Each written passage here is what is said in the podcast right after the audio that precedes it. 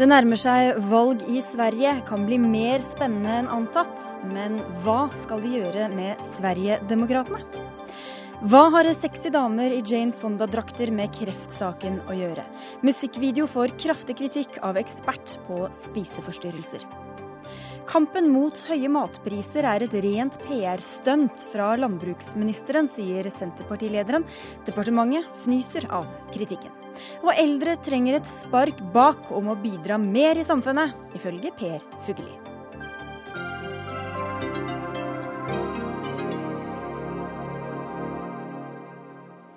Dette er Dagsnytt 18 på NRK P2 og NRK2, hvor vi også får siste nytt fra aksjonen mot dagligvarekjeden Line. Det svenske valget til Riksdagen er bare dager unna, og høyresiden tar innpå på meningsmålingene. På søndag går svenskene til valg, og så langt har det sett ut til at utfordrerne ville klare å kaste den borgerlige alliansen. Men nå er det ikke så klart lenger, eller hva, reporter i Stockholm Øyvind Nyborg? Nei, Det har sett eh, veldig pent ut på meningsmålingene, men nå er det eh, gapet eh, skrumpet ned til fem prosentpoeng mellom de rød-grønne og de borgerlige. Men eh, de fleste mener nok at det skal et eh, lite politisk mirakel til for, at eh, den borgerlige regjeringen til Fredrik Reinfeldt skal få fortsette her i Sverige. Selv om de små blå partiene, Senterpartiet, Folkepartiet og Kristdemokratene, gjør det noe bedre nå, slik at de blå blir større. Nå har du akkurat fulgt med på en partilederdebatt i Sveriges Radio. Hvordan gikk den? Det er eh, ikke min oppgave å kaste noen terning, men eh, det man legger merke til, er at mannen som står midt imellom eh, de blå politikerne og de rød-grønne, er Sverigedemokraternes Simi Åkesson fra det innvandringsskeptiske partiet. Det som er helt klart, selv om jeg er inne i en svett kulturhus her i Stockholm, er at han fortsatt står ute i kulden. Blokkene vil heller samarbeide og hestehandle med hverandre enn å ha noe å gjøre med det partiet, selv om de har nå mellom 8 og 10% Det skal vi snart snakke mer om, men kan du kort si hvilke saker som dominerer valgkampen nå fire dager før valget? Det er arbeidsledigheten som er på drøye 8% og det er de dårlige resultatene i skolen som er de store sakene. Men det som virkelig får opp eh, temperaturen her i Sverige, er eh, flyktningstrømmen. Man venter jo 100 000 flyktninger bare i år. Eh, og etter at Fredrik Reinfeldt kastet kortene i sommer og sa at, til svenskene 'åpna era hjertan', så har det vært et hett tema her i Sverige. Takk skal du ha, Øyvind Nyborg. Og politisk kommentator her i NRK, Magnus Takvam. Nyborg var litt inne på det. Men hva kan du si om disse blokkene som står mot hverandre? Ja, det er jo den nåværende allianseregjeringen av eh, fire borgerlige partier, med Moderatenes Fredrik Reinfeldt som statsminister, som har hatt makten i åtte år. De siste fire årene ikke i flertall, riktignok. Da har Sverigedemokraterna vært på vippen. Og så er det utfordrerne på den rød-grønne siden, ledet av Sosialdemokratene, med Miljøpartiet som trolig regjeringspartner dersom de vinner valget, og Venstrepartiet, altså det, det svenske SV, og eventuelt feministisk initiativ med Gudrun Schyman hvis de greier å krype over sperregrensen på 4 Et uh, interessant trekk ved disse siste uh, tallene er jo at de to store på hver side har relativt dårlig oppslutning, både Moderatene og Sosialdemokratene. Sånn at selv om Sosialdemokratene skulle vinne valget og overta regjeringsmakten, Eh, så, så, er det en skal vi si, strek i regningen for dem. De kommer eh, under 30% på de siste målingene. Og så er det altså disse Sverigedemokraterna som eh, ingen vil ha noe med å gjøre. Hva slags posisjon kan de få i Riksdagen? Nei, De vil jo da få eh, en eh, vippeposisjon, eh, slik at det, er, det virker eh, helt urealistisk at noen av disse to blokkene vi snakket om, eh, kommer til å få rent flertall i Riksdagen. Det vil jo selvfølgelig f.eks. For, da for eh, sosialdemokratenes Löfven vært den, det beste og hatt et flertall i Riksdagen. Men man må regne med at Sverigedemokraterna kommer på vippen og gjør det hele eh, mer komplisert. Men der er, er, det en sånn pakt mellom alle partier. Og ikke skal vi si, eh, trekke de inn i noen type kompromisser og avtaler. Marie Demker, du er med på telefon. Du er professor i statsvitenskap og prodekan ved Göteborgs eh, universitet. Eh, det er altså ingen av de andre partiene som vil ha noe med Sverigedemokraterna å gjøre. Men hva frykter de at, de at kan skje hvis de får innflytelse i Riksdagen? Det er vel två skäl som gjør at man ikke vil ha med Sverigedemokraterna å gjøre. Dels står partiet enligt bedömare då inom partierna för en, en eh, främlingsfientlig politik som man inte på något sätt vill stödja. Och eh, därmed vill man inte heller ge partiet något som helst inflytande över just den frågan. Partiet uppfattas också som populistiskt och alltså inte seriøst når det gjelder ekonomiske frågor eh, og derfor vil man ikke ha med det å gjøre. Men Betyr det at de kan komme inn med mange representanter uten å få noen innflytelse eller makt i det hele tatt? Ja, precis som sades tidligere så er det jo mye möjligt. Eh, just nu så är det sannolikt at man då kommer att vara eh, på vippen, så att säga, vågmästare. Og och det inflytande som man då kan ha på regeringsbildningen, det vet vi inte riktigt ännu, men det kommer att bli väldigt svårt att bilda regering med en minoritetsbas i, i riksdagen. Så att då måste man ha någon form av överenskommelse, kanske över blokkgrensene, eh. Hvordan reagerer velgerne til Sverigedemokraterna på at partiet blir frosset ut, og at ingen vil ha noe med dem å gjøre? Eh, Sverigedemokraternas egne sympatisører syns forstås at det er urettferdig. Og eh, det är nog sannolikt så att partiet också inledningsvis i mandatperioden vann en del på detta att man eh, uppfattades som en så kallad underdog eller att man var ställd utanför. Men eh, idag så finns det också en stark mobilisering mot Sverigedemokraterna så att eh, idag tror jag inte att partiet tjänar så mycket på att vara isolerat. Alltså den, den effekten har avtagit skulle jag säga.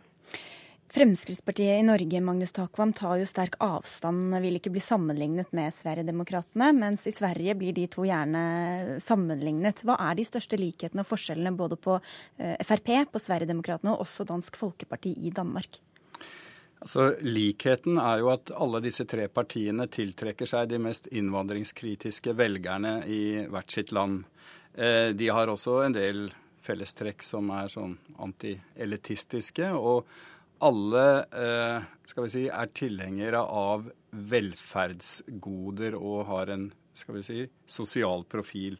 Men det er klart at både historikken og hvordan de andre partiene i hvert enkelt land ser på eh, dette partiet, er veldig forskjellig. Sverigedemokraterna er nok åpenbart det mest ytterliggående med den eh, historiske bakgrunnen de har med nynazistiske røtter osv., så, videre, så er det som vi har hørt her, eh, en berøringsangst fra alle de andre partiene eh, i Sverige. I Danmark f.eks.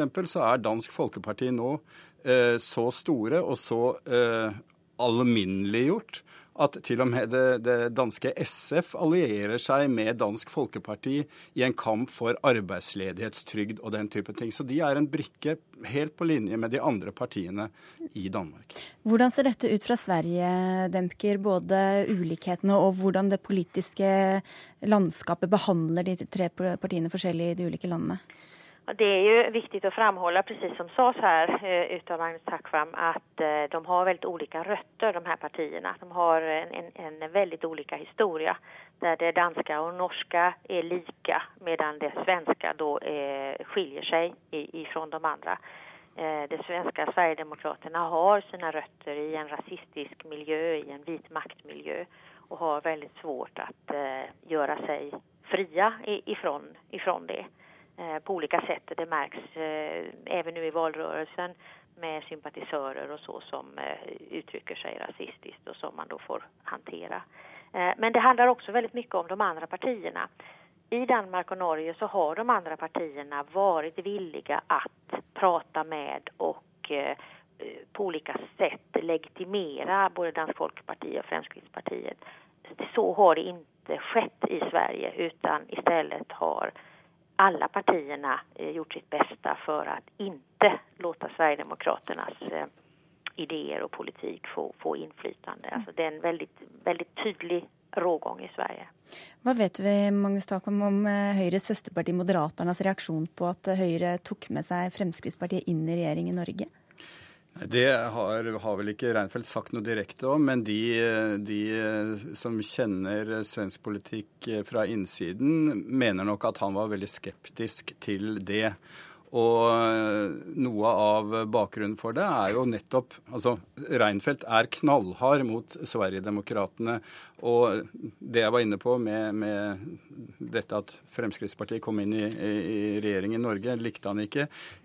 Fordi han er redd for at en tilsvarende øvelse i Sverige ville gjøre eh, Sverigedemokraterna til, eh, til en betydelig maktfaktor også i svensk politikk, etter hvert som det er blitt da i, i Sverige og, og Danmark. Nei, i, i Norge og Danmark. Ja. Få høre til slutt, eh, Demker. Det, det, var jo få som trodde at Frp skulle bli betraktet som et parti helt på linje med andre her i Norge. Tror du at det samme kan skje med Sverigedemokraterna eh, i Sverige om, eh, om noen få år? det tror jeg ikke inom överskådlig tid. ikke inte Sverigedemokraterna. Jeg kan tenke meg andre populistiske partier. Vi har haft tidigare försök med ett parti som heter Ny Demokrati som har lite annan eh, historia. Men jag tror att Sverigedemokraterna har inte riktigt förutsättningar under överskådlig tid. Partiet har förändrats under mandatperioden, kommer sannolikt att förändras. Men, eh, men det kommer att dröja så länge så att det är lite, ja, inte under överskådlig tid tror jag inte. Tusen takk for at du var med i Dagsnytt 18, Marie Denker, og takk til deg også, Magnus Takkom. Dagsnytt 18 alle hverdager kl 18.00 på NRK P2 og NRK2. I dag ble to nye personer arrestert og siktet i aksjonen mot dagligvarekjeden Lime. I tillegg har politiet gjort beslag i hundretusener av kroner. I den store, koordinerte aksjonen har politiet ransaket 50 adresser. De mistenker bl.a. grov menneskehandel, skatteunndragelse og bedrageri av Nav. Og politimester på Romerike, Bjørn Vanvik, dere har akkurat holdt en pressekonferanse om utviklingen i saken. Hvor viktig er disse pengebeslagene dere har gjort? Pengebeslagene er jo også viktige i forhold til eh, bevis eh, eh, i saken. Så får vi jo se hvilken, hvordan de knyttes til de siktede og de, hvilke straffbare handlinger eventuelt knytter seg til. Det er altfor tidlig å si noe om. Det er klart det er alltid viktig å finne bevis, og, og pengebeslag er et viktig bevis. Og så har dere altså arrestert to, ytterligere to personer. Hvilken rolle har de? Den ene er eh, siktet for eh, medvirkning til eh, menneskehandel, og den andre er siktet for å ha, ha skjult eller fjernet bevis. Nå er det etter hvert blitt så mange involvert i denne saken at dere har tatt i bruk et hotell. Hva skjer på dette hotellet? Ja, det var planlagt fra starten av at vi måtte ha et egnet sted å både bruke for selve aksjonen. Det er veldig mange tjenestepersoner som er involvert, pluss fra andre etater. Eh, og det er naturlig og fint å ha et sted å, å samles, og, som på en måte et eh, sted vi kjører ut fra og, og kommer inn igjen og får samordnet ting. Og så har det viktige aspektet vært nettopp dette med at vi på politihuset har ikke fasiliteter gode nok for å eh, i forhold til vitner og fornærmede, som jo er helt uskyldige i saken, men som uh, kanskje vil trenge en oppfølging. Eh, og for vi har egentlig bare en arrest å tilby hvis vi skal tilby overnatting og sånne ting. I tillegg så er det jo så mange det er snakk om, sånn at vi har eh, for små lokaler, rett og slett. Så da var det veldig praktisk å bruke rom og lokaler på et hotell i stedet. Og de ofrene dere har, eh, har vært borti, hvor villige er de til å snakke om det de har opplevd? Vi, det, vi har ikke helt status på hvor mange ofre eller hvem som har forklart hva. Så det men, men, det som er viktig, er at vi på en måte får tatt igjennom en, en uh, runde med oppfølgingsspørsmål i forhold til identitet, og ikke minst bygge opp tillit og, og prøve å oppmuntre dem til å fortelle sin historie, hvis de har en historie å fortelle. Da, da er det veldig ålreit å være på et uh, hotell og litt mer nøytrale lokaler enn å være inne på et politihus. Er det grunn til å tro at denne saken kommer til å vokse enda mer i omfang etter hvert som dagene og ukene går? Vi kan jo ikke se bort fra at den kan bli større, men eh, jeg tror vi skal understreke at i går var liksom hovedtilslaget. Og da eh, Jeg tror eh, det kan selvfølgelig bli flere pågripelser og sånn, men, men aksjonen er vel egentlig nå heller i ferd med å trappes ned i dagene fremover. Tusen takk for at du var med i Dagsnytt 18, politimester Bjørn Vanvik.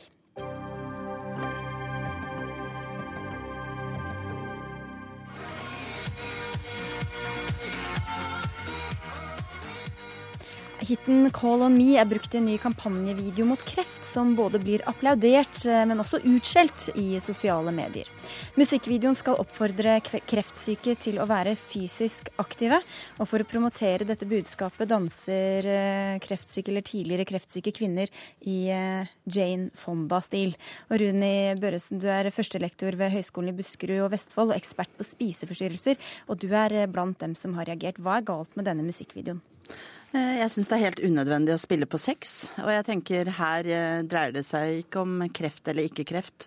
Det at eh, fysisk aktivitet er veldig viktig og veldig bra. Både for kreftpasienter og andre. Det er helt opplest og vedtatt, så det er ikke debatten handler om. Det den handler om, det er hvilke virkemidler man bruker, og at man eh, ikke tar hensyn til hvilke andre grupper en slik kampanje også når. Ja, for Kreftforeningen for eksempel, har sagt at de syns dette er et morsomt initiativ, mens du har brukt litt eh, andre beskrivelser. Hvilken skade mener du denne videoen kan gjøre?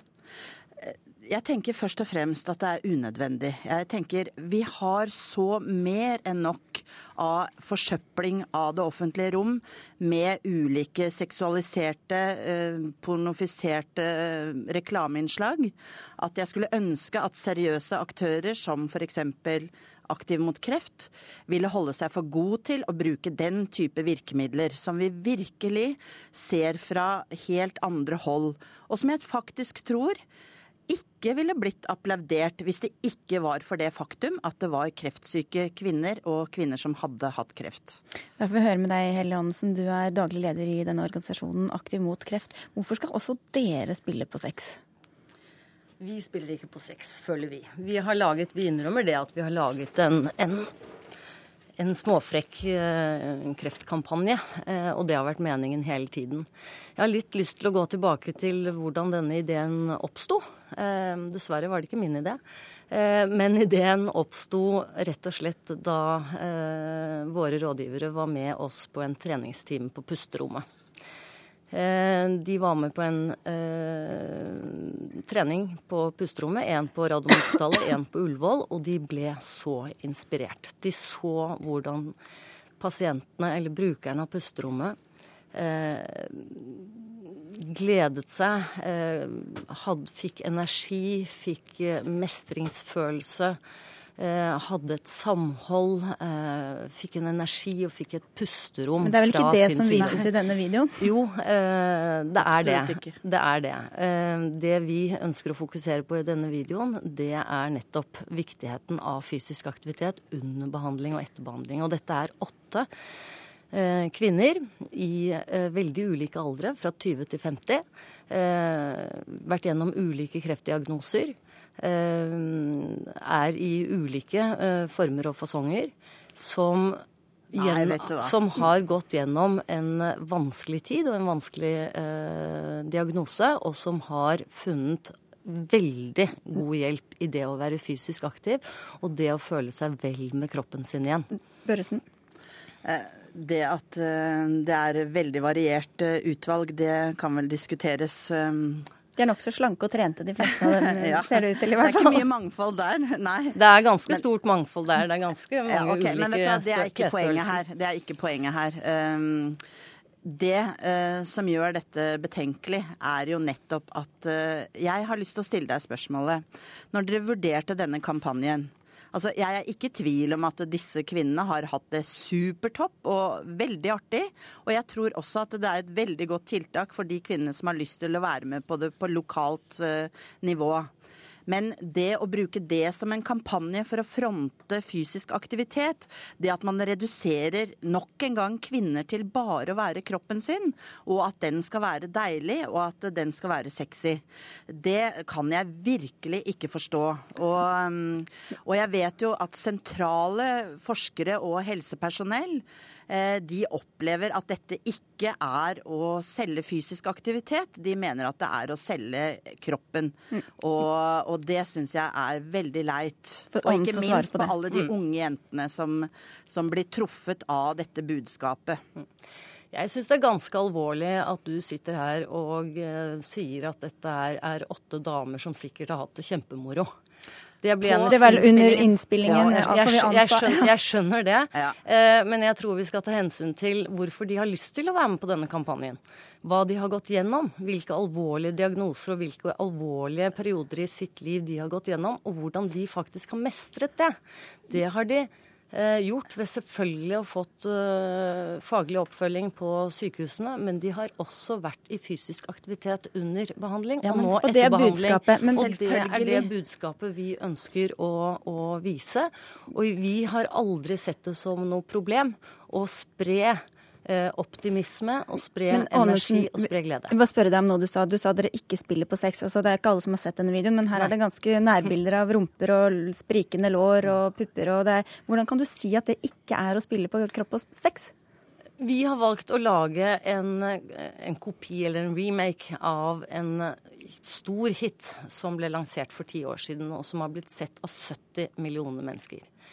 Eh, det å lage en ny versjon av den med et alvorlig budskap. Det syntes vi var en god idé. Men hvordan kan du si at dere ikke spiller på kropp og sex med den videoen? Jo, det er klart at vi, klart at, eh, at eh, vi har laget en frekk video, det sa jeg også innledningsvis. Men jeg syns det er en stor forskjell på sex og sexy.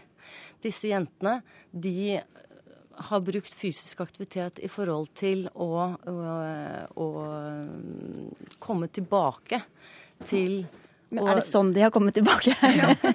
er det den Nei, selvfølgelig er det ikke det. Og dette er jo ikke en treningsvideo. Men, men, vi lager jo denne kampanjen for å skape oppmerksomhet. Det har, det har vi jo klart. Er du glad egentlig for mitt utspill, du da? Ja, vet du hva Rune, det er jeg. Jeg takker deg egentlig for det, altså. Jeg Nemlig. Jeg venta på en takk. Ja, men det skal du få, og den får du herved. Så dette syns vi egentlig ja, det er herlig harmonisk. Men Børresen, her er det, du sa jo også at hvis ikke det hadde vært kvinner som hadde vært kreftsyke, så hadde dette fått mye større eh, eller negativ oppmerksomhet. Ja. Men gjør det det mer greit at det, at det, er det? At de kan vise at man er ikke bare syk eh, hvis man, eh, man kan fortsatt være sexy?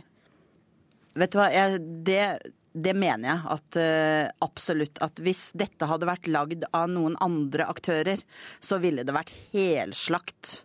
Nå blir det på en måte å trekke disse kvinnene eh, frem og løfte de frem. Og som, og som jeg sier, selvfølgelig har de brutt barrierer, men det er jo heller ikke eh, diskusjonen hvorvidt fysisk aktivitet er bra både for, før, under og etter behandling. Det er opplest og vedtatt at det er bra. Og jeg syns det er sørgelig at ikke Erna Solberg og Bent Høie nevnte det når dere var på den felles konferansen.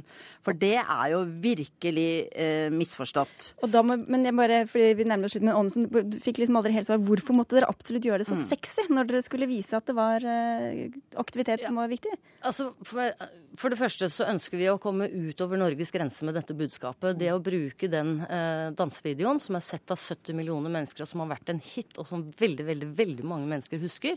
Og det ser vi jo nå, for denne kampanjen har jo nå fått mye oppmerksomhet også i utlandet. Det er en av grunnene. Eh, og så må vi gå utradisjonelt til verks. Ja, er det så utradisjonelt og kreativt å spille på sex? Nei, men det, nei, det, er, den, det, er, det er denne videoen eh, som er viktig. Eh, og det er oppmerksomheten den gir. Uh, og så er det gleden. Vi har ikke lyst til å lage uh, skremselspropaganda. Vi har ikke lyst til å lage dystre, triste kreftfilmer. Det fins det nok av. Vi har lyst til å spille på jo, det optimistiske, men... det energigivende og det som gir håp. Ja, og det får mange positive. Er det greit å ofre alle andre på det alteret, da, eller?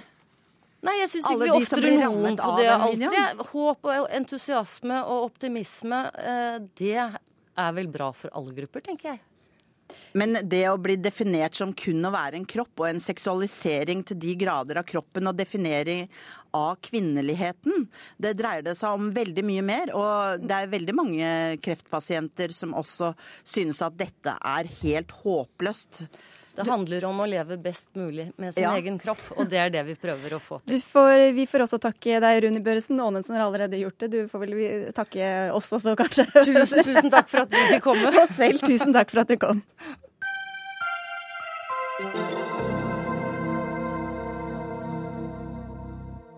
Eldre mennesker trenger et spark bak å forlate cruiseskip og golfbaner og delta i samfunnet. Det sier i hvert fall du til Vårt Land i dag, Per Fugelli, professor i sosialmedisin. Hvem er det som trenger et spark bak av de eldre? Sto det det? Ja. I den kristelige, snille avisen Vårt Land. Så ingenting sparke, er som det en gang var? Sparke gamle bak. Nei, hvem er det som trenger et spark bak? Altså, det jeg tenker på det er Jeg vet ikke hvor riktig det er, men jeg syns jeg ser veldig mange nå av min egen alder, som pluss-minus 70, som forlater samfunnet på en måte. De stikker av fra flokken sin og går om bord på cruiseskip og golfbaner. Og, og, og, så tenker jeg ja, men himmel og hav, skal de leve 10-20 år i god form? De har fortsatt anlegg de kan ta i bruk, de kan være til nytte. Skal de liksom leve på et sånt sølvfat for seg selv, på en måte? Men hvordan vet du at de gjør det? Det kan hende at de resten av året har hjulpet barn og barnebarn ja, og pusset ja, opp og henta i barnehagen jo, og holdt jo, på og bidratt? Jo takk, jeg vet det. De hjelper barnebarn og, og, og, og kan, kan, gjøre en innsats i velforeningen og sånn. Men altså noe av det jeg savner, det er at jeg, jeg vil at de skal være mye mer aktive i samfunnet. Komme seg inn i kommunestyrene. Det er nesten ingen over 70. Det norske storting, hvor mange er det? 170 eller 80? Det er null over 70 år. Og, så her har vi en, en, en, noe skummelt som vi må gjøre noe med. Fordi jeg tenker altså, Jeg vil ikke sparke de gamle bak, jeg vil heller si hipp hurra. Altså, vi har bruk for dere. Fordi dere, dere har mye på lager som, som det norske samfunnet, lokalmiljøene, landet, landet har bruk for. De har prøvd og feilt. De har masse fine holdninger og fine verdier som unge mennesker har godt av å få nært samliv med. Men mange av dem har kanskje ikke vært så samfunnsaktive før de ble 75 år, så hvorfor skal de da begynne når de er det? Ja, altså nesten alle har vært samfunnsaktive i betydning Kanskje ikke samfunnsengasjert, da? Nei, men altså de har vært aktive i betydning de har vært i arbeidslivet. De har tatt sine anlegg i bruk. De har gjort nytte for seg. Og, og jeg bare lurer på kan har så vanskelig for å forstå at det kan være det gode liv for friske gamle i 10 eller 20 år å ikke ta anleggene sine i bruk. Ikke være med i flokken, men liksom sveve ut som et fremmedlegeme litt i det, i det tomme rom. Tal Jordbakke, du er kommunikasjonssjef i Norsk Pensjonistforbund og litt yngre enn det jeg hadde sett for meg. Men er det mange eldre som eh, forlater samfunnet i for stor grad? Nei, jeg tror at uh, Jeg er langt på vei enig med, med Per Fugli, og jeg tror at uh, vi er nødt til å forstå hva som motiverer folk. Og, og, de unge eldre er ressurssterke, sånn som du sier. Uh, og de vil ikke bare koke kaffe i frivilligheten, de vil holde foredrag. De vil bruke de evnene de har. Og problemet er at jeg tror vi som samfunn ofte avskriver de eldre og den klokskapen og erfaringen de har. Og sånn sett så bidrar ikke vi til at de kan delta i samfunnet. Jeg tror vi må tilpasse oss at vi har en ny generasjon unge eldre. Og vi må tilpasse oss og spørre dem hvordan er det de ønsker å bidra. Ja, og sparke dem litt bak. Ja, det kan vi vil gjøre det likevel. Altså. Hør, av to grunner. Av to grunner. Det, ene er, det, det ene er fordi flokken trenger dem samfunnet trenger det. Tror du de opplever det, da? At, de blir, at det er et behov for det? Ja, jeg tror nok altså Iallfall fordi det er to grunner. Det ene er at samfunnet trenger dem, og hvis vi ikke har gjort det tydelig, så må vi gjøre det. Ja. Det andre er for sin egen skyld. Ikke sant? Altså, hør. Hva er det som gir oss et brukbart liv helt til vi dør? Det er tre vitaminer. Det er verdighet, det er tilhørighet, det er mening.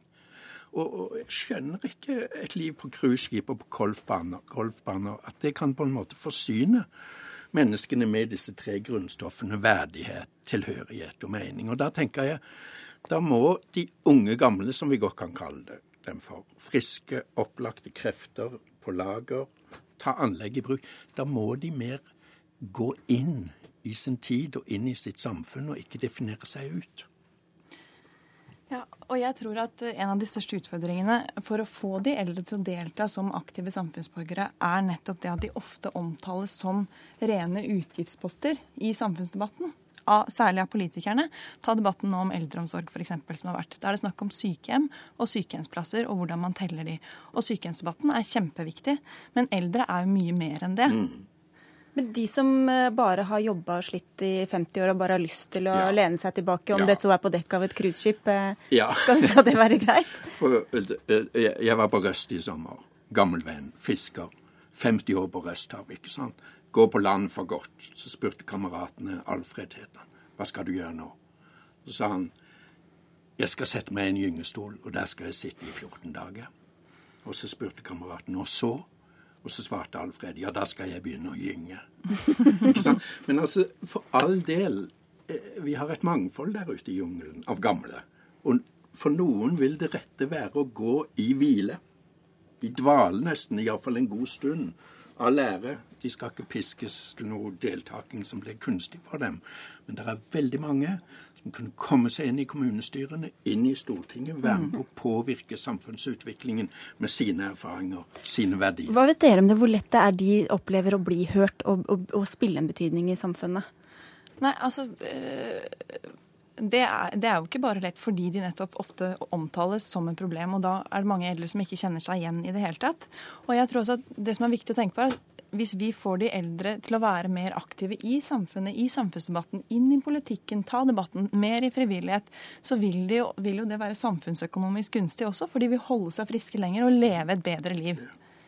Så, men, da, men, det skjer ikke av seg selv, så da er det viktig at politikerne tar ansvar for det og legger til rette for en aktiv scenepolitikk.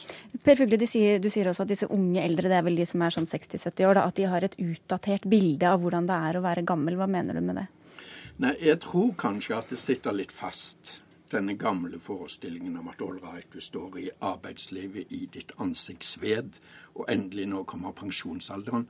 Da skal du hvile, kose deg, gå inn i i liksom ta frem disse gledene som du har hatt liggende på lager og tenkt at dette skal du gjøre når du blir pensjonist.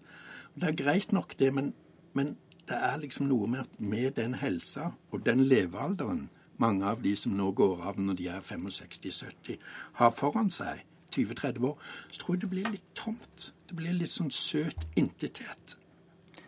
Men vi var inne på det litt i stad. og jeg jeg tror mange sitter med det inntrykket at eldre reiser og spiller golf og bruker skiden sin. Men det stemmer jo faktisk ikke. Eh, som du sa selv, så er jo mange forskere omtaler eldre som det nye heimevernet. De som trår til når krisene rammer i, i hjemmet. Og vi vet faktisk at norske besteforeldre er blant de som sitter mest barnevakt i Europa. Mm. At, Takk og lov for det. ja, ikke sant? Jo, jo, men altså, da kan de sitte litt samfunnsvakt også, ja, og ikke bare barnevakt. Men, men, eldre er også den gruppen som deltar mest i frivillighet i en eller annen form. Og de er veldig opptatt av lokalsamfunnet sitt, det vet vi. Så jeg tror at vi må gjøre en jobb på å finne ut hva slags ressurser de har, og så må vi tilrettelegge på den måten. Og der må vi som organisasjoner også ta litt selvkritikk. For vi må også tenke hvem er disse nye eldre, hvordan kan vi lære de å kjenne, og hvordan kan vi hjelpe de å bruke ressursene sine. Du er ikke så glad i moralister, Per Fugli. Du er ikke redd for å bli oppfatta som en menn sjøl? Nei, det kommer helt an på saken. Takk skal dere ha for at dere var med i Dagsnytt 18, i hvert fall eh, Per Fugli og Tale Jordbakke fra Norsk, Norsk Pensjonistforbund. Hør Dagsnytt 18 når du vil. Radio NRK Radio.nrk.no.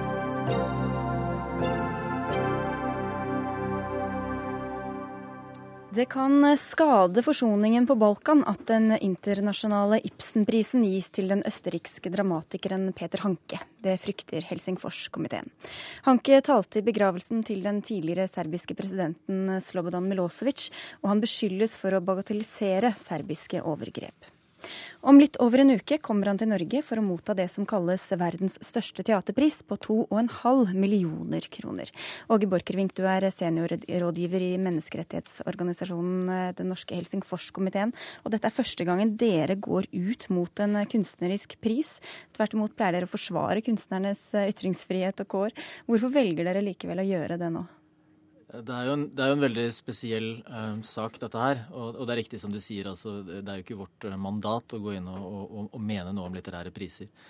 Men i dette tilfellet, som i en del andre tilfeller, så er det veldig vanskelig å skille klart mellom uh, Peter Hanke, den store dramatikeren og forfatteren, og den politikeren som han i realiteten er, altså med det samme navnet. og med denne, med, denne, med denne, prisen så er jo um, Eh, så innebærer det også en form for eh, altså en anerkjennelse av hans dramatikk. Ja, det, det legger jo uh, juryen vekt på i, den, i, det de har skrevet om han. Men i samme slengen så legitimerer de også en del av de synspunktene han har forfektet gjennom en ganske lang og kontroversiell karriere eh, som, som eh, venn av bl.a. Eh, Slobodan Milosevic, da, den, mm. den, tidligere serbiske presidenten som var tiltalt for folkemord før han, eh, før han døde i 2006. Hva mer, eller hva, si litt mer om hva han har sagt og gjort som gjør at dere mener det er helt uforenlig med denne prisen. altså, Eh, vi sier jo eh, vi, vi, uttaler oss om dette også litt på bakgrunn at vi, vi, eh, vi har mye kontakt med, eh, med, sivilsamfunn og organisasjoner både i Serbia og Bosnia, og de er eh, ganske fortvilet over denne prisen. For det de eh, sier, er at de uttalelsene han, han, har gitt, da, som på en måte kan tolkes som også tvil om en del av om det virkelig var et folkemord i Bosnia, om det egentlig var serberne som var ofre, Eh, om eh, eh, journalistikk og, og, dommer som har kommet rundt, rundt, de tingene som skjedde der nede, om de egentlig har sannhetsgehalt. Hele det der går inn i en pågående politisk konflikt hvor en del av de personene som var involvert i folkemord og i, i krigene der nede, forsøker å skaffe seg posisjoner igjen. Så han, han, er kanskje kjent som pro-serbisk, men mange av våre, altså, våre serbiske kolleger er også ganske fortvilet fortvilet over dette, her, for de mener at som du sa til å begynne med, dette er en pris som eh, gjør det vanskeligere eh, med forsoning mellom folkeslagene, og vanskelig å komme gjennom en felles forståelse av hva som har skjedd der nede. Før vi går videre, så må jeg bare si at vi har vært i kontakt med jurylederen for Ibsenprisen, Per Boje Hansen. Han sier at han ønsker debatten velkommen, men eh, ønsker ikke selv å delta mer i forkant av eh, utdelingen. Og Hankes norske forlegger Karl Ove Knausgård kunne heller ikke være med i dag. Men du er med, Svein Vennesland. Du er Balkanekspert og professor eh, emeritus ved Universitetet i Oslo. Og du mener at han fortjener denne prisen, selv om ikke du er enig i politikken i det? Jeg tror prinsipielt at vi bør skille mellom litteratur og forfattere eh, og deres eh, litterære verker og deres politiske meninger, eventuelt hva de måtte ha gjort. Hvis vi ikke opprettholder det skillet, så får vi et problem. Vi kan ikke, vi, vi kan ikke bare støtte og hylle forfattere som vi er helt enige med, som, som mener det samme som oss, og det vi, det vi mener er riktig. Vi behøver ikke gå lenger enn til vår nære fortid i Norge. Så hadde vi en rekke forfattere som hyllet eh, diktaturer som var av de verste. Maos Kina, Enver Hodge, Albania. Men eh, jeg tror likevel at vi i Norge ville bli veldig stolte hvis noen av de fikk en internasjonal pris. Da ville vi glemme det de hadde stått for av politiske meninger. Og det tror jeg er helt riktig. Vi må skille mellom Hamsun som forfatter som fortjente nobelprisen, og Hamsun som landsforræder.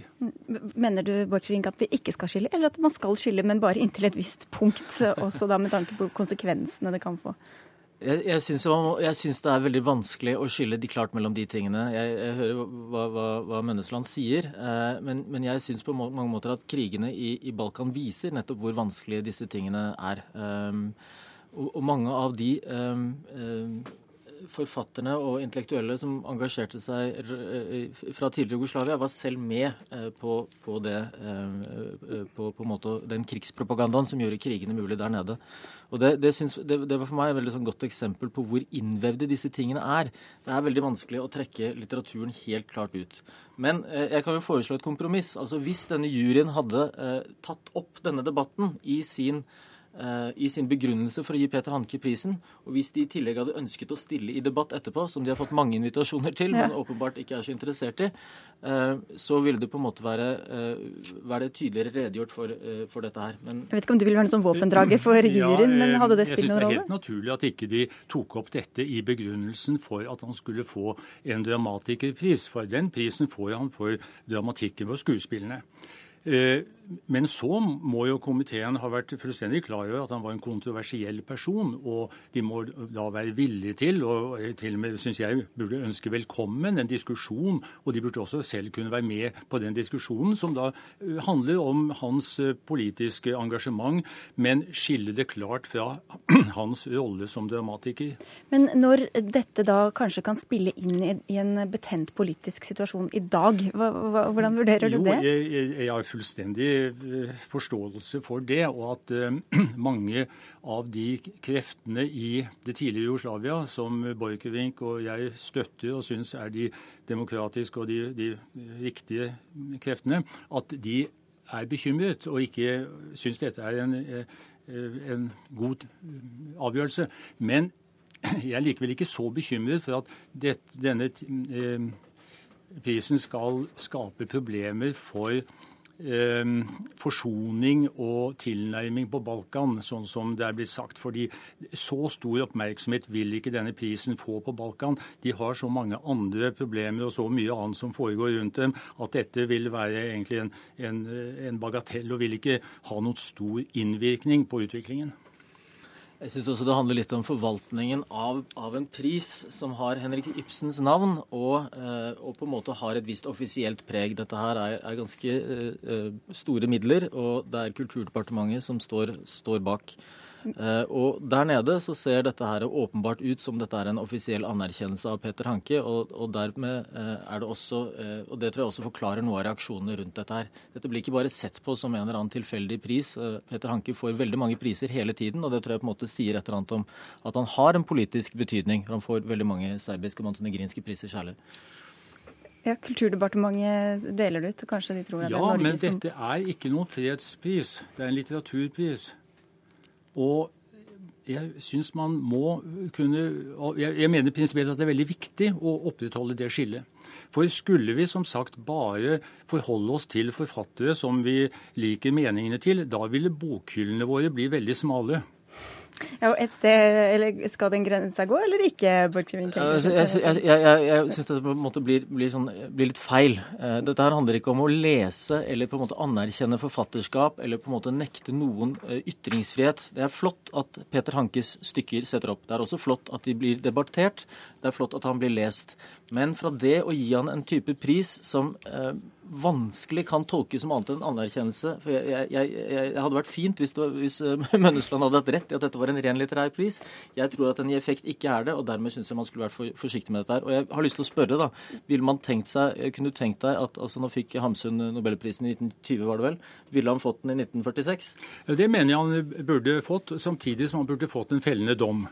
Og Norge burde ikke vært så feige at de ikke våget det. Det hadde vært helt riktig. Gi han en, en dom og Nobelprisen etter annen verdenskrig. Og så får vi vel eh, ta opp hansken igjen eh, når eh, Hanke kommer til Oslo for å motta denne prisen. Tusen takk skal dere ha for at dere kom til Dagsnytt 18. Hør Dagsnytt 18 når du vil. Radio NRK.no. Kampen mot høyere matpriser er et rent PR-stunt fra landbruksministeren. Det mener Senterpartileder Trygve Slagsvold Vedum. I dag kom nye tall fra Statistisk sentralbyrå, og de viser som forventet at matprisene gikk ned etter at de gikk mye opp før sommeren. Og Senterpartileder Trygve Slagsvold Vedum, hva er det du mener egentlig er et PR-stunt fra landbruksminister Sylvi Listhaug? Nei, men vi har hørt på Sylvi Listhaugs landbrukspolitikk, så har hun snakka om pris, pris, pris, pris. Så veldig enfoldig fokus hele tida. Men så så vi da i sommer at det var den største økninga i matprisa siden 82. Og så blir det da innkalt til krisemøter. Masse show, eh, men ingen konkrete tiltak. Og Hvis landbruksministeren mener eh, alvor, så bør hun f.eks. gjøre som Senterpartiet gjorde i sin tid, halvere matmomsen. Det var et konkret, godt grep. Det fikk ned prisen. Men eh, jeg vil ikke tro at statsråden gjør det. Et annet grep hun burde gjort, var altså å legge fram en lov om god handelsskikk så fort som overhodet mulig. Sånn at vi fikk et eh, tydelig og ryddig og gode forhold i hele dagligvarebransjen. Men det har vært en statsråd som er mye mer opptatt av pris enn mattrygghet og matmangfold. Her var det litt forskjellige ting. Eh, landbruksminister Sylvi Listhaug, hva svarer du på kritikken om PR-stunt? Nei, For det første så kan jeg starte med å si at den rød-grønne regjeringa i løpet av sine åtte år de økte matmomsen Nå vet at det er mange som plinger på glasset ute av lytterne her. Ja, ja, Som da betyr en økning på 2-2,5 milliard kroner på eh, prisene.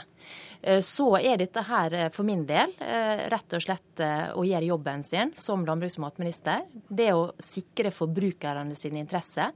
Og i denne saka så har jeg også tatt bøndene i forsvar, som Trygve vanligvis er opptatt av. da. Ja, For du sa for det, var, ikke de som stakk av med Nettopp. Og det var jo de som ble beskyldt innledningsvis for å stikke av med disse pengene. Og Da er det jo veldig interessant å høre her mot, liksom at nå, nå, nå, er ikke han opptatt av det. Det som jeg har fått tilbakemelding om når jeg var rundt rundt i landet og møtt bønder, det at jeg syns det er veldig bra at jeg nå går grundig inn i dette her og finner ut hvor pengene tar veien. Fordi at jeg tror de fleste bønder tenker det at det er i hvert fall ikke vi som sitter igjen med mesteparten her, det er det helt andre som gjør. Og jeg syns det er veldig synd at eh, Slagsvold Vedum, når han satt i regjering, ikke gjorde mer med det. Det han da bidro med, var å øke matmomsen, eh, som førte til dyrere mat. Men Du skal få svare på det, Vedum, men først må vi bare høre med deg, Sylvi Steng, nå når da prisene er eh, gått ned igjen. Hvor, mener, hvor, mye mener du forbrukerne kan takke dere for det? Nei, Det som er det viktigste for meg, det er først og fremst at prisene går ned, ikke hvem som skal ha æra for det. Men Tror du at det, det du har gjort har hatt noe å si i det hele tatt? Nei, Det er vanskelig å si. Men jeg kommer i hvert fall til å henge på som en klegg, være ei vaktbikkje også framover for hvilke prisøkninger som kommer. Fordi at eh, Det Senterpartiet sier, jo at maten i Norge den er ikke dyr. Men da vil jeg spørre deg, Slagsvold Veum, Syns du det er billig mat for ei alenemor som er førskolelærer, som har en inntekt på 23 000 kroner måneden, to barn, som da bruker 25 av inntekta si på mat? Syns du det er billig? Her er det mange debatter på en gang, Slagsvold Vedum, men du får svare på det. Syns du matprisen er for høy eller for lav i Norge i dag? Nei, men altså... Jeg blir liksom litt rørt når jeg hører på Sylvi Listhaug. Du kan begynne med å svare, da. Ja, men Det er det jeg driver med. Først blir jeg litt rørt. Og du sitter i en regjering som har prioritert de som spiser indrefilet hver eneste dag. Og det, Alle som ser på fordelingstabellene deres Bare for å dra inn enda flere debatter? Jo, men Det er jo det som er saken. Altså, Det er ikke prioritert den vanlige mora, det er prioritert folka som spiser indrefilet. Og, og, de har nok penger fra før. Og du ser på skatteprofilen deres, så har den uh, småbarnsmora ja, ja, fått har, Det gjorde vel for så vidt begge to. Men uh, hva med matprisene, Slagsvold Vedum? Hva syns du de er for høye eller for lave? Nei, Jeg har sagt at jeg synes at vi har ikke spesielt høye matpriser i Norge. Og det har jeg stått for hele veien. Og vært tydelig på det. Og så er Faktum er jo at matprisene aldri har økt mer siden 82 enn når Sylvi Listhaug ja, men Er det dumt, eller er det bra? Altså, jeg tror jo at uh, dagligvarebransjen slapper mer av når en lobbyist har blitt statsråd. Men, nå var det enda en debatt ja, her. Men du, altså, hun, jo, hun, hun, gjorde jo da klart før sommeren at uh, hun vil finne ut av hvor pengene går, fordi de ikke går til bøndene, som, som hun presiserte her. Er ikke det bra, da? At når, nå blir i hvert fall bøndene skjermet, og så prøver hun å skrumpe inn på marginen ellers? Jo, men, det, det er, men, resultatet av politikken hennes er jo at det er den største marginøkninga i dagligvarebransjen noen gang.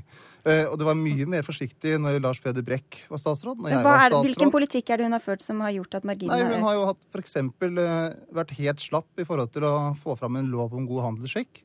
Eh, ikke valgt å kritisere dagligvarebransjen i offentligheten i det hele tatt. Hæ? Og vært, Dette er jo helt spesielt. Vært, og brukt nesten all sin tid på å kritisere norsk landbrukspolitikk. At den har vært mislykka og snakka om pris, pris, pris, og ikke vært opptatt av kvalitet og mangfold. Ja, dette blir jo bare helt surrealistisk. Er det noe jeg har brukt tid på nå etter sommeren, så er det jo da... nettopp å kritisere norske dagligvarer eh, fordi at det er for lite konkurranse. Og jeg jobber nå med å finne tiltak. Ja, Men, men det, burde jo gjort tiltak som, før, da. Ja, men du snakker det jo helt vekk fra alt sammen. Du, jeg, det jeg spurte deg om, var jo syns du det er billig mat når jeg er alenemor, som jeg før skulle lære. Ja, Da svarte han at maten i seg selv, eh, hvis jeg skal tolke det, da, at maten i seg selv er er ikke så dyr, men at dere gjør, det, gjør at de gruppene som ikke har dårlig råd, får ikke råd til den maten fordi at de får ikke så god råd? Ja, vi har jo da sørga for f.eks. at prisøkninga på jordbruksavtalen var halvert i forhold til når han styrte. Eh, vi har ikke økt matbomsen slik som den forrige regjeringa gjorde med to prosentpoeng, som da førte til eh, ja, da var det en økning på 2-2,5 milliarder kroner. Da, tror jeg, at de, ja. ja. Så det som vi har fokus på nå, det er å få økt konkurranse. Og jeg jobber med lov om god handelsskikk og skal finne flere tiltak for å øke konkurransen, fordi at jeg mener at maten i Norge er for dyr. Men jeg skjønner liksom ikke helt eh, Han må jo bestemme seg, for hvis han mener at maten er for dyr, så må han jo også være interessert i noen tiltak. Men hvis men, han ikke mener det, så syns han vel at alt er fryd og gammen. Ja, så da trenger du vel ikke å ha noe Han sitter i et annet studio, stakkars. Ja, det er ikke noe synd på meg. Det er veldig fint, det er veldig fint i Trondheim. Men, altså, altså, vi i Senterpartiet har alltid vært opptatt av å ha en trygg matforsyning i Norge. Og vi var det partiet som sørga for at matmomsen ble halvert uh, i sin tid. Jo, men dere økte men, den men, når men, dere var i regjering sist. Men, så jeg skjønner ikke hva du snakker om. Men sannheten, sannheten, er at det var Senterpartiet som sørga for at matmomsen i Norge ble halvert. Og hvis Listhaug er veldig opptatt av å få ned matprisen nå, så uh, vil vi med glede se fram til at hun halverer matmomsen igjen, sånn som Senterpartiet gjorde når vi hadde makt. Men dere kommer til å prioritere lavere formuesskatt, mer til de som har råd til å spise indrefilet. Det er faktum. Og så retorikken din er at du, at du er så bekymra for småbarnsmora. Men når du ser de prioriteringene regjeringa har gjort, så har det vært negativt for småbarnsmora. Men du bruker den retorikken når det passer deg. Og det er problemet også når det gjelder matpriser. For matprisen har aldri økt mer siden 82 på en måned enn den måneden når du styrte, ikke under Senterpartiet. Det er fakta. Det er SSB-tall. Og nå Ja, og prøver det- du å ta æren, og det er ingen ære for at prisen gikk ned nå i august. Altså, Nå er det du som er mest opptatt av at ikke jeg skal ta æra for det. Jeg har for så vidt bare sagt at jeg syns det er veldig bra at prisene går ned. fordi at jeg er Som de gjør hver høst, da. Ja, men Ja, som, mye som, jeg, som, som jeg er opptatt av uh, at forbrukerne skal få. Jeg er opptatt av alenemora. Jeg er opptatt av de i samfunnet vårt som har lite. Jo, vi legger til rette for en god skattepolitikk. Eh, Vi har også senka inntektsskatten for, for alle grupper. Ikke ifølge Finansdepartementet, kommer- Ok, men det var- det var-. Men, men det som, det som jeg syns er litt sånn spesielt, da, det er at det er en, her snakker om halvering av matmomsen, og faktum er at dere økte den i løpet av de siste åra. Eh, Du sier at du mener maten er billig, men så Og da, kan det, da må jo det bety at vi ikke skal gjøre noe med situasjonen. Jeg mener maten er for dyr. Jeg mener at det er for lite konkurranse mellom dagligvarekjedene, og at vi trenger å gjøre noe med det. Men hvorfor det- er du så veldig opptatt av at maten skal være billigere, i stedet for å sørge for mer variert eh, og, og bedre kvalitet Ja, i men vi skal gjøre begge deler. Og det som vi bl.a. gjorde på jordbruksoppgjøret, det var jo å legge til rette med mer penger for at f.eks. bønder som ønsker å satse på å produsere ost eller spekepølser, sånn lokal mat, at de skal få muligheten til å, å, å få støtte i større grad enn det de gjorde under Slagsvold VM. Så vi har to tanker i hodet på en gang. Der er dere i hvert fall enige, det er Slagsvold Vedum. Ja, altså, men jeg syns at uh, Listhaug i sin retorikk har liksom Når du snakka om norsk landbruk, så har det nesten vært framstilt som en fiasko hele tiden. Ja, du Eh, og- og bare- sørger for økt import. Nå får jeg strenge beskjeder på øret her, Slagsvold Vedum. Det er så mange debatter dere drar opp på en gang. Jeg tror vi må ta en egen sånn spesialsending med dere to en annen gang. jeg. Ja, men det gjør vi gjerne. Takk skal dere ha for at er dere kom. Ha, herlig. Takk for det.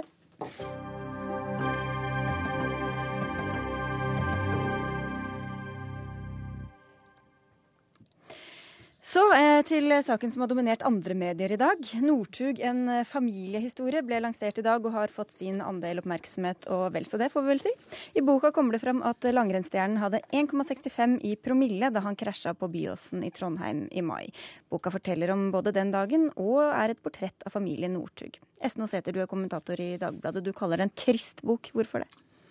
Ja, for det er så triste ting som kommer fram i boken. Det er noen som har gått og vært sinte og bitre i eh, åtte år fordi en juniorløper ikke ble tatt ut til olympisk, eller olympiske leker. Og denne juniorløperen har jo blitt voksen sin den gang, og han har vunnet OL-gull og han har vunnet VM-gull, og fortsatt er de like sinte. Og da begynner det å bli litt eh, for trist, etter, etter min oppfatning, når det er snakk om idrett, og kanskje også om lek innimellom. Det har jo vært mange overskrifter i dag, men får vi egentlig vite noe særlig nytt i denne boka? Nei, altså du, eh, du kommer jo på sett og vis nærmere denne, denne bitterheten, da. Det har vært oppe før, men den blir, eh, den blir veldig tydelig her. Og så kommer det noen tanker rundt Northug sine muligheter til å få lov til å konkurrere sammen med de andre landslagsløperne i løpet av denne vinteren er sånn. Så eh, ja, sånn er det. Sånn er det. Kulturkommentator her i NRK, Agnes Moxnes, du har også rukket å skumlese boka litt i dag. Hva er ditt eh, inntrykk? Jeg leser den vel som en bok som eh, prøver å dempe effekten av at nasjonens yndling var ute og kjørte i eh, fylla i Trondheim 4. mai.